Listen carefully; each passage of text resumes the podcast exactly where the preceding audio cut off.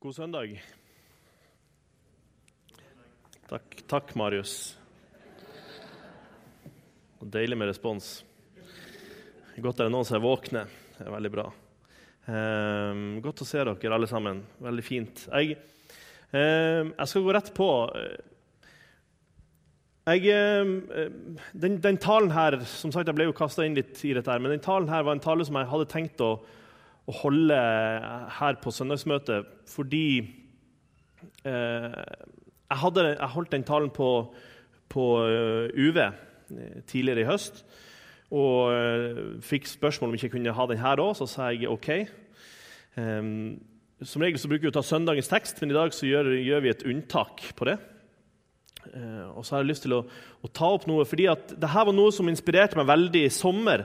Jeg var i USA og hørte en, en, en forkynnelse der som, som, grep veldig tak i meg. da. Og, og, som jeg har lyst til å dele med dere. Um, det, det, kan hende det, det, er litt sjokkerende for dere, og det, det, håper jeg nesten litt at det er. Um, men, uh, men, dere får bære med meg, prøve å, å henge med. Jeg vet ikke hvorfor du, hvorfor du tok turen hit i søndag, denne søndags formiddagen. Hvorfor du valgte å komme hit i dag. Um, det kan hende det er noen som, som er her på besøk. Uh, kanskje du er her for å ta til deg Guds ord. Um, hvis du har kommet hit for å bli bekrefta uh, i forkynnelsen, så, så tenker jeg at da har du kommet feil. Hvis du vil bli bekrefta om hvor bra du er, så har du kommet feil i dag. Eh, jeg kommer til å være ganske ty tydelig med dere. Eh, jeg håper, du, jeg håper du skjønner dette her. Jeg elsker deg. Jeg gjør det virkelig.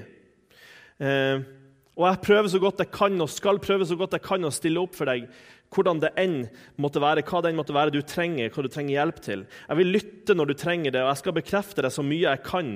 Men denne gudstjenesten her handler ikke om deg. Denne gudstjenesten her handler ikke om at du skal bli fortalt hvor flott du er, hvor vellykka du er. Handler om, den handler om Gud. Og som jeg sa når jeg talte om himmel for noen søndager tilbake, så sa jeg at jeg bryr meg ikke så veldig mye om måte, å, bygge opp sjøltilliten din. Jeg bryr meg kun om hvor er du på vei hen. Hvor er du? Er du på vei til, til evig himmel eller evig fortapelse? I dag er det allehelgenssøndag, og vi hørte så fint, jeg synes det var utrolig fint å høre på den åpninga om, om hvor er du på vei hen. For det er det alt handler om. Det er derfor jeg er her, det er derfor jeg står her. Eh, og så sa jeg det også sist den gangen at eh, hvis du føler deg tråkka på tærne av Guds ord, så er det kanskje du som må flytte beina. Fordi Guds ord står fast. Jeg er så lei av, av, av sånn kristen forkynnelse der vi snakker om at du må realisere deg sjøl. Du må bygge opp deg sjøl, du må bygge opp en sjøltillit. Det står 'elsk Gud', og så står det 'elsk de neste'. Så ja, men det står du skal elske de neste som deg sjøl, og da må du lære å elske deg sjøl. Vi elsker oss sjøl uansett. Altså, det, er, det, er, helt gitt, det, i utgangspunktet. Altså, vi, vi gir kroppen vår mat fordi vi elsker oss sjøl. Det er på tide å gi noe til noen andre også. Det er på tide å elske Gud og elske sin neste. Um, Vi tror at hele verden dreier seg rundt oss, og at vi er skapt At Gud skapte oss for, for vår del. Vi har blitt en, en, generasjon, et folk, som er så opptatt av å få ære, av å bli sett. Vi er en egosentrisk generasjon som har blitt flaska opp med sjøltillit. Og at du må, du må tro på deg sjøl. Det er bare å se på Idol eller andre konkurranser, så ser du jo Altså en sånn voldsom hig etter å bli sett, få ære. Um, verden har aldri vært så sjølsentrert som den er nå. Ære og ego er liksom det første og det største som vi har. Jeg skal sitere John MacArthur, og så får dere ta det for det det er. Han sier psykologer har skapt denne ideen om selvtillit. Det er en satanisk idé. Du er ikke så viktig som du tror du er. Du er mye mindre viktig enn du tror du er. Og det er jeg også. Det er vi alle. Du er ikke bedre enn du tror du er. Du er mye verre. I Guds øyne er du ufattelig syndig, og i dine øyne er du fantastisk. Gud hater stolthet på egne vegne. Det ødelegger kjærlighet, forhold, det dreper omsorg, vennlighet og ydmykhet. Og så er dette satt veldig på spissen. Men jeg håper du henger med. Ordspråkene 8.13 så står det jeg hater hovmod og stolthet, den onde vei og all svikefull tale. Ordspråkene 11.2.: Kommer overmot, kommer skam. Med de ydmyke følger visdom. Man skulle tro det var motsatt. sant? Men kommer overmot, kommer skam.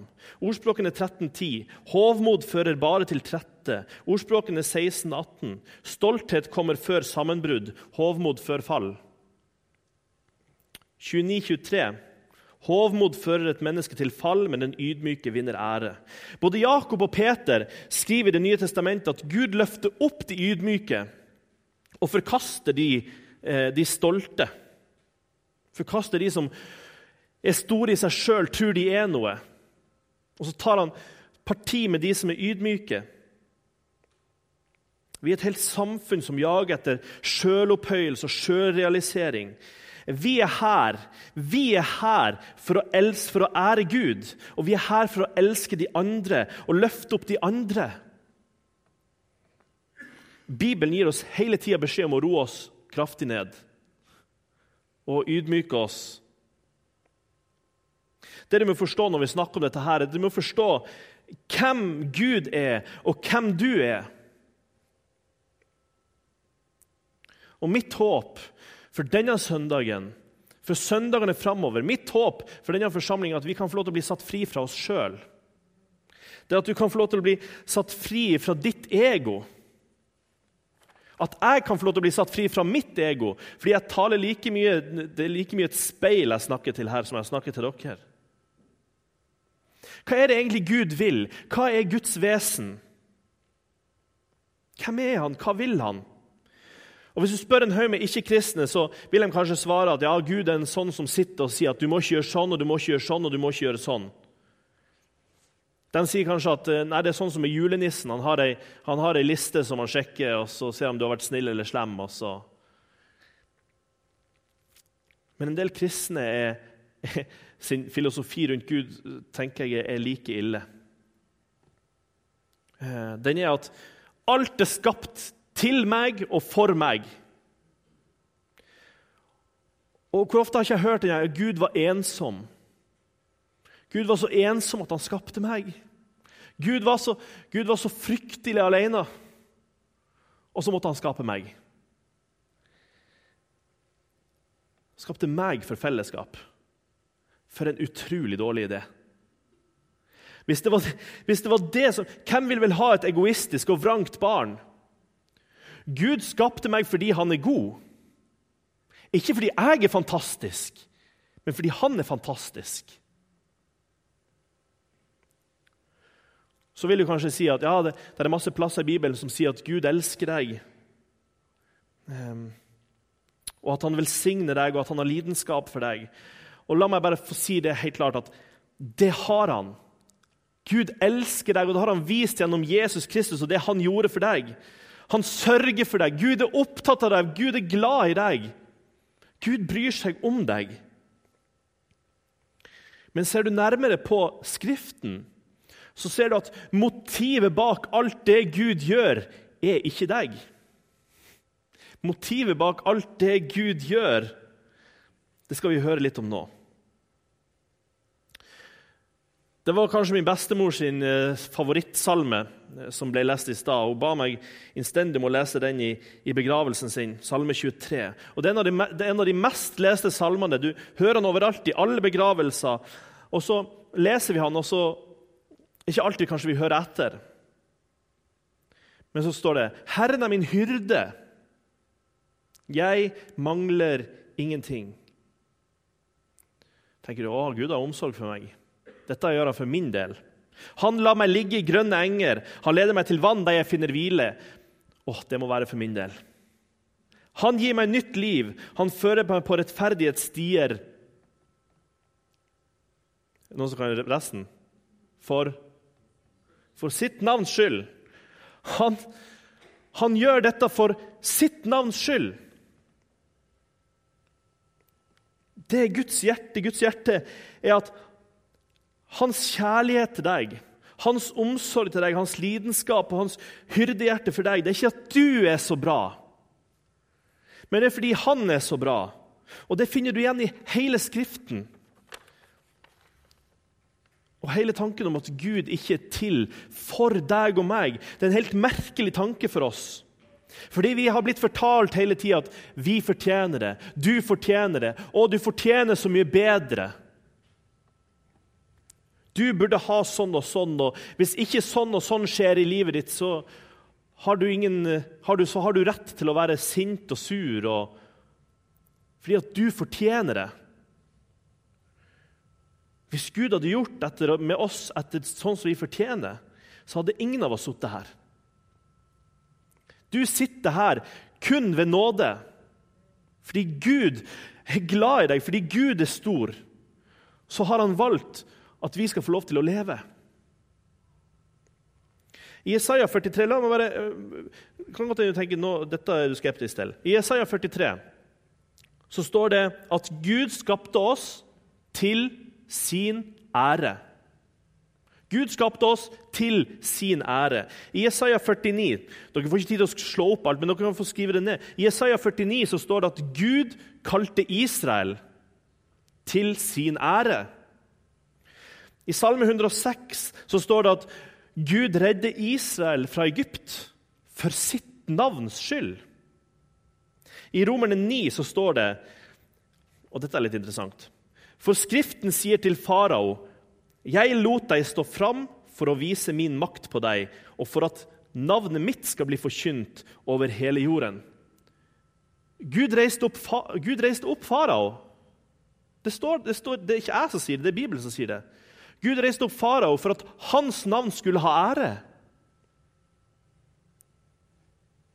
Esekiel 20 så står det at Gud beseira farao og, og, og egypterne for sitt navns skyld. Det står han redder folk i ørkenen. Når de holder på å gå under, så redder han dem for sitt navns skyld. Det var Esekiel 20. Han, Gud kommer ikke til Israels folk og sier jeg skal føre deg ut av Egypt fordi du er så bra, fordi du har holdt deg til meg, fordi du har gjennomført alt det som jeg har pålagt deg. Nei. Gud kommer til Israels folk og sier jeg skal føre deg ut på tross av det du er. For mitt navns skyld, fordi Guds navn skulle æres gjennom det. Gjennom Israels folket sin utgang av Egypt. 2. Samuel kapittel 7. Han ga Israel seier i Kanaan for sitt navns skyld. 2. Samuel 12. Gud forkaster ikke sitt folk. Gud har ikke forkasta Israel. La meg bare si det. Gud har, Gud har aldri forkasta Israel. Hvis du hører det, så ikke tro på det. Det er ikke sant. Det står han forka, han, Gud forkaster ikke sitt folk fordi hans navn skal ha ære, fordi Gud holder sitt ord. Han har valgt Israel. Og det holder han.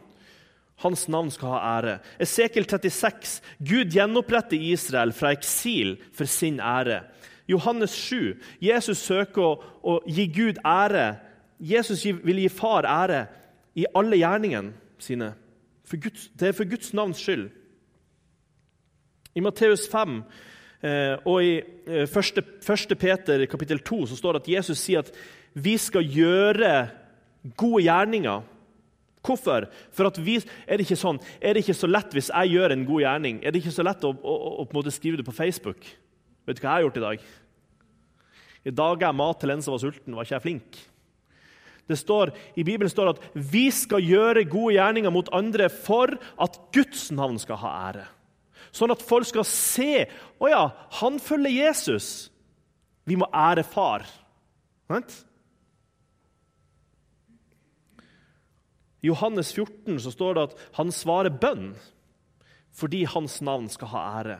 I Johannes 12 og 17 så går Jesus gjennom den siste ufattelige lidelse til Guds ære.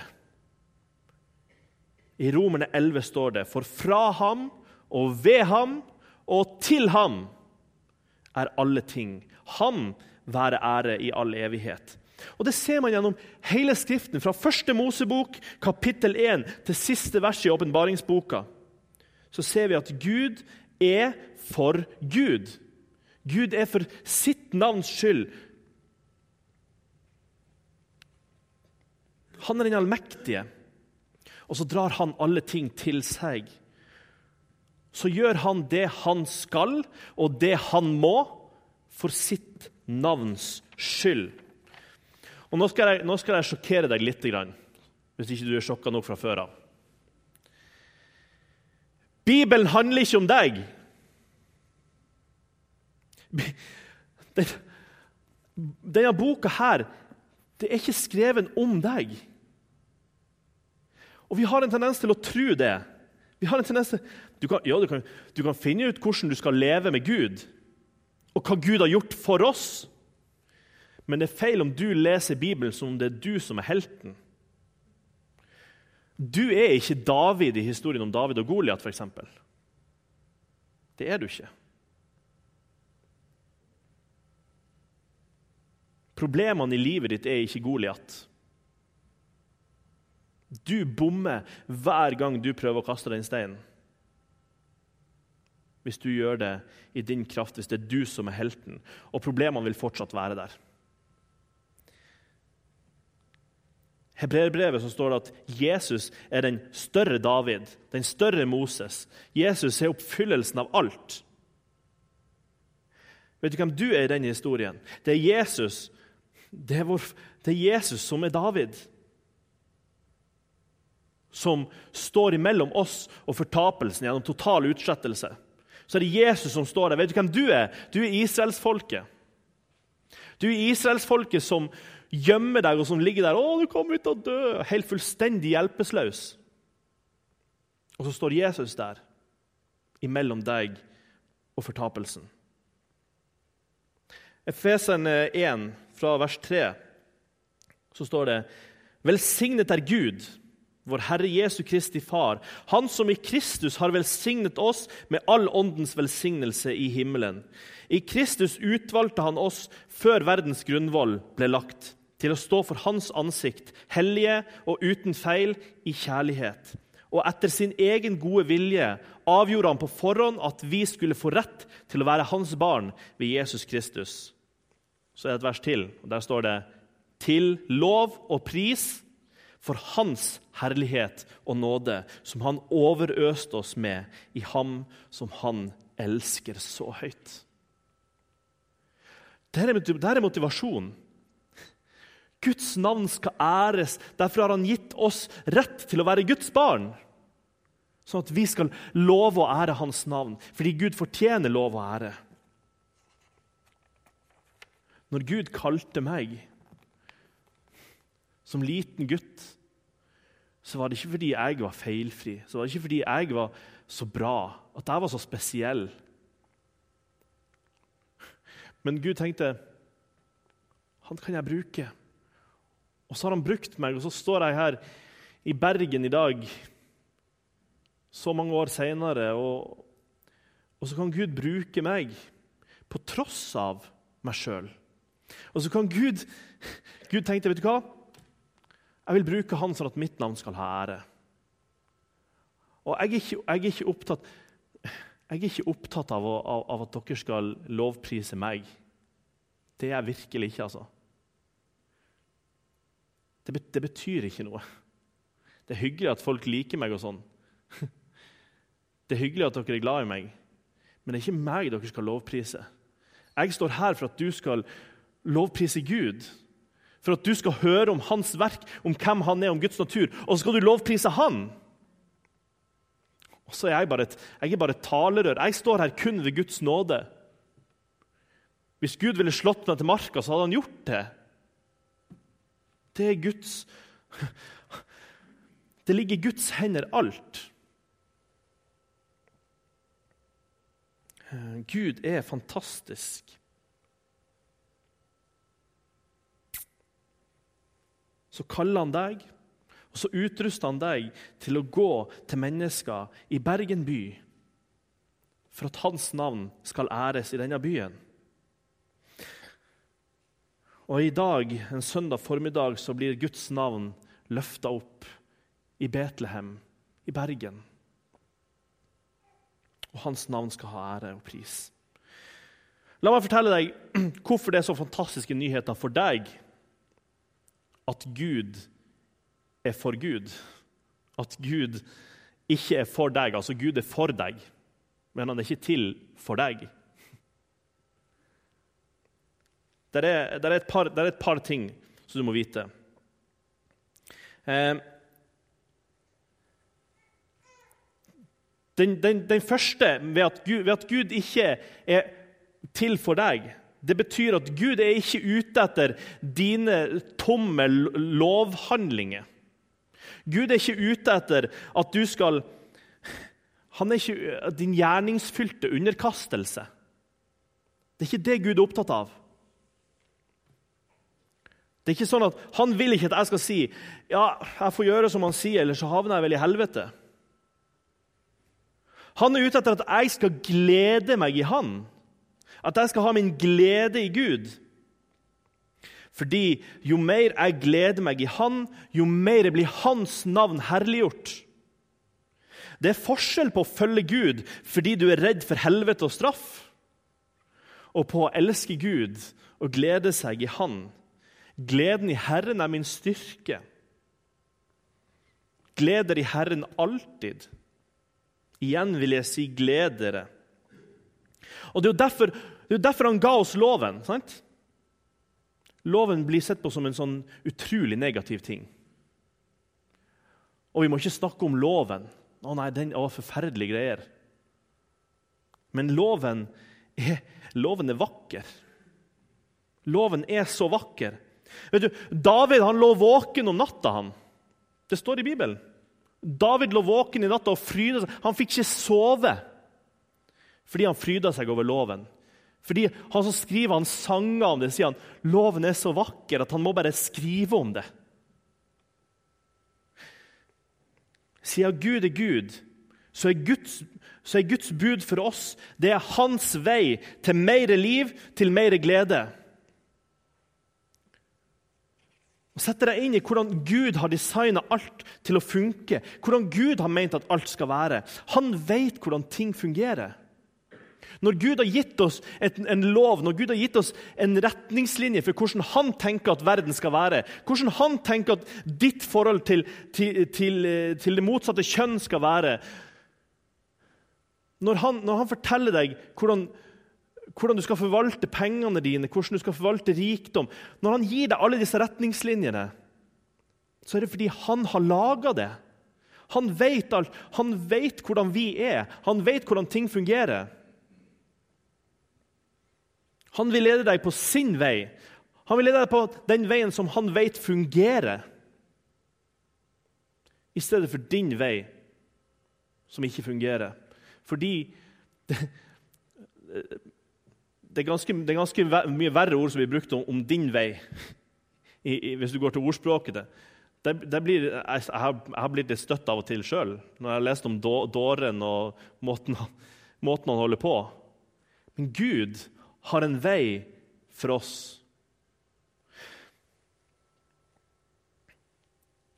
Han gjør det med ekteskap, med sex, med penger, med hvile.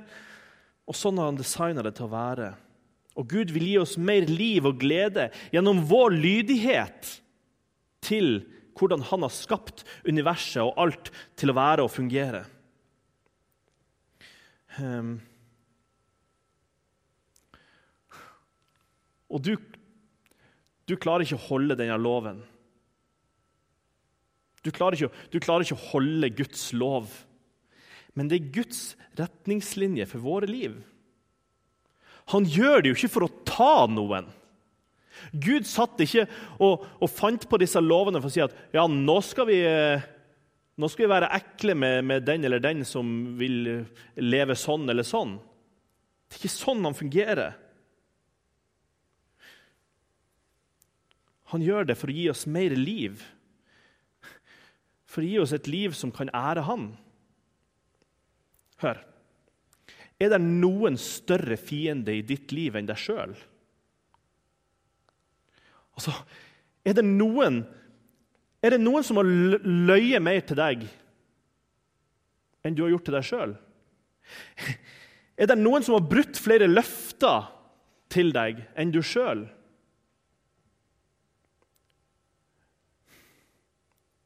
Du er problemet. Og Gud vil lede oss til mer liv. Til liv.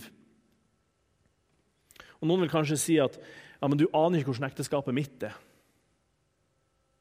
Du har ikke peiling. Jeg, den, jeg, den jeg gifter meg med, det ble, helt, det ble fullstendig galt. Og, og, Hvis det er én ting jeg har lært meg i løpet av livet, så man aldri skal dømme en skilsmisse. Og Det håper jeg dere heller ikke gjør, fordi det, det, det er ganske kraftige ting. altså. Og veldig personlige ting. Men la meg, hvis, når, når, Gud, når Gud sier i sin lov hvordan vi skal leve, hvordan vi skal forholde oss til hverandre. Og så sier du ja, men mitt ekteskap det, Han eller hun er jo fullstendig gal.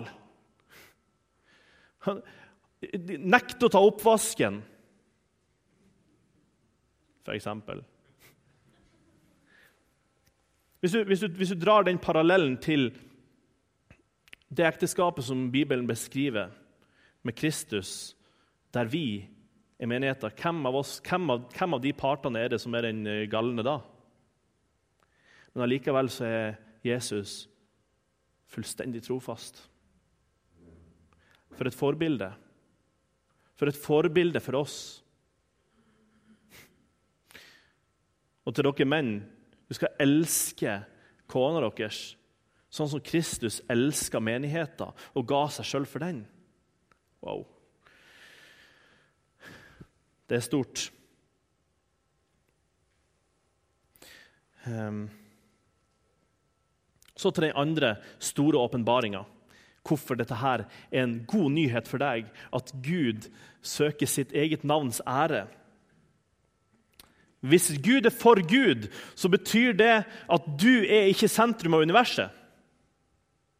Det betyr at verden dreier seg ikke om deg. Stort sett all konflikt i ditt liv det handler om at du tror at verden spinner rundt deg. I trafikken Og jeg er så skyldig. Men i trafikken, når du ligger, og, og det ligger noen i venstrefila? I 80, 50 km i timen i 80-sona Og du sitter gjerne i bilen og sier 'Flytt deg!' Hvorfor, hvorfor, hvorfor blir du sint? Fordi verden handler om deg.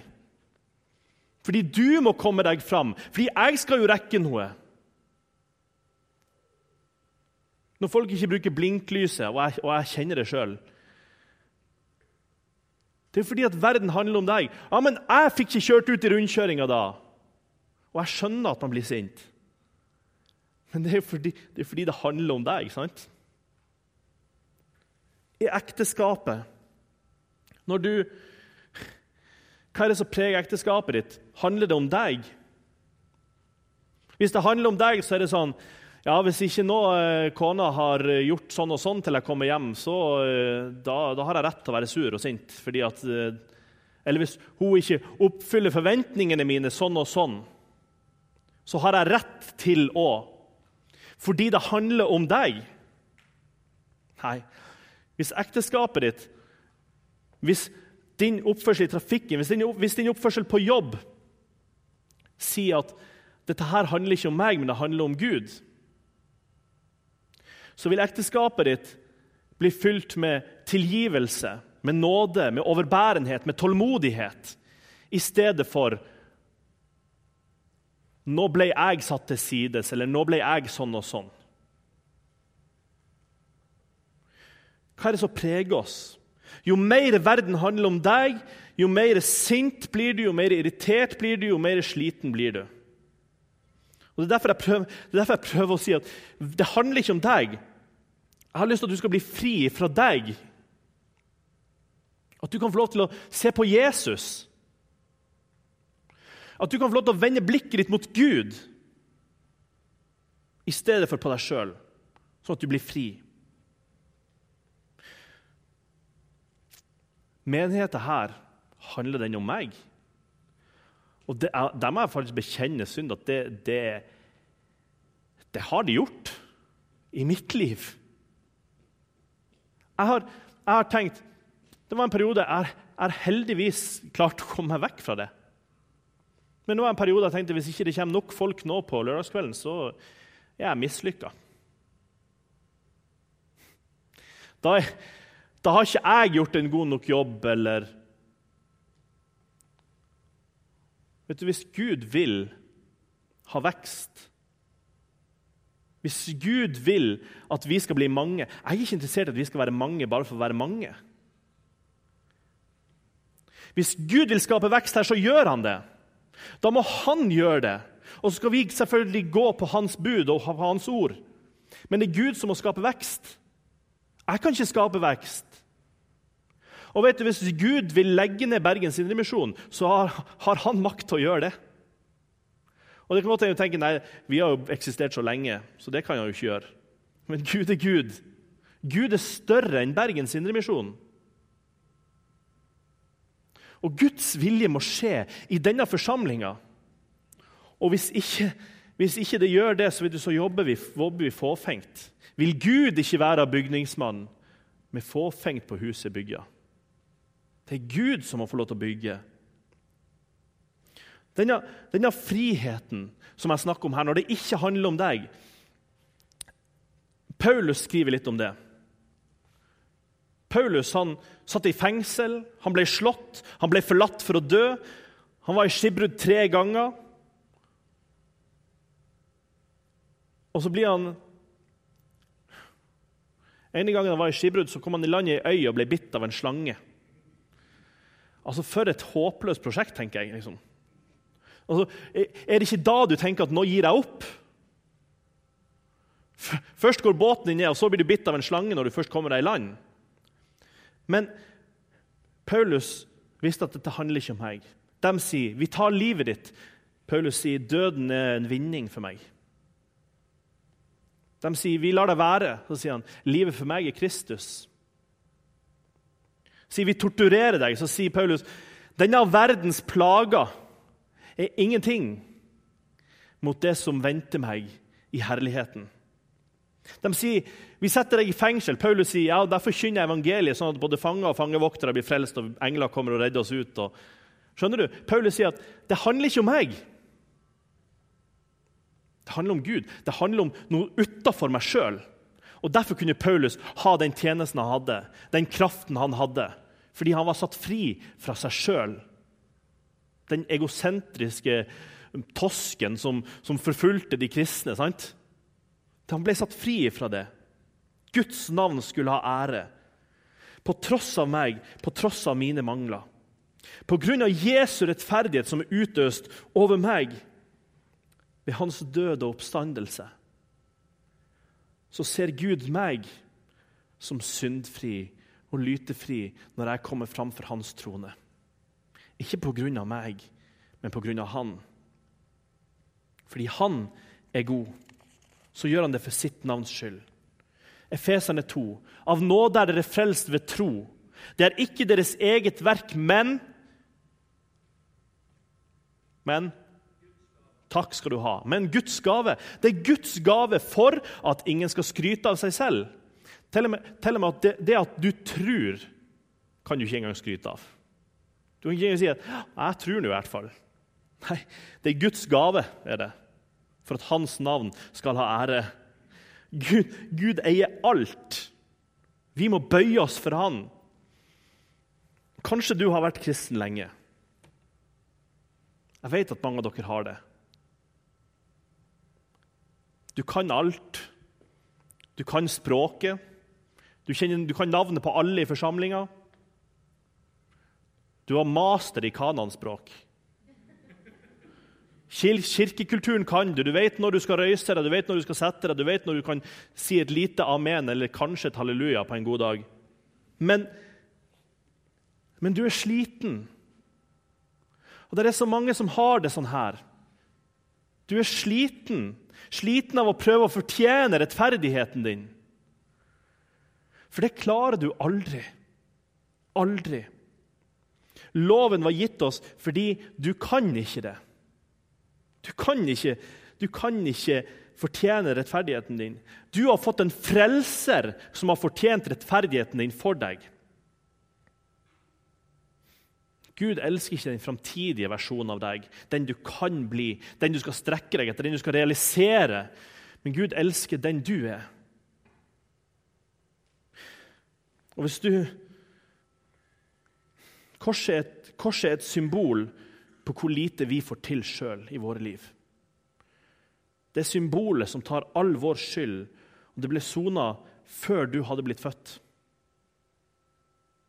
Han er kjærlig og nådig og god. Og der, Jeg vil at du skal sitte igjen med dette her. Der er ingen synd i ditt liv som er større enn Jesu Kristi kors. Der er ingen synd i ditt liv som er så stor at ikke korset kan betale det. Ingenting. Ingen synd i ditt liv har større kraft enn Kristi kors. Og så står vi igjen med Romerne 8. Så er det da ingen fordømmelse for den som er i Kristus Jesus. Du kan få lov til å bli fri i dag, denne søndagen, kan du få lov til å bli fri fra deg sjøl.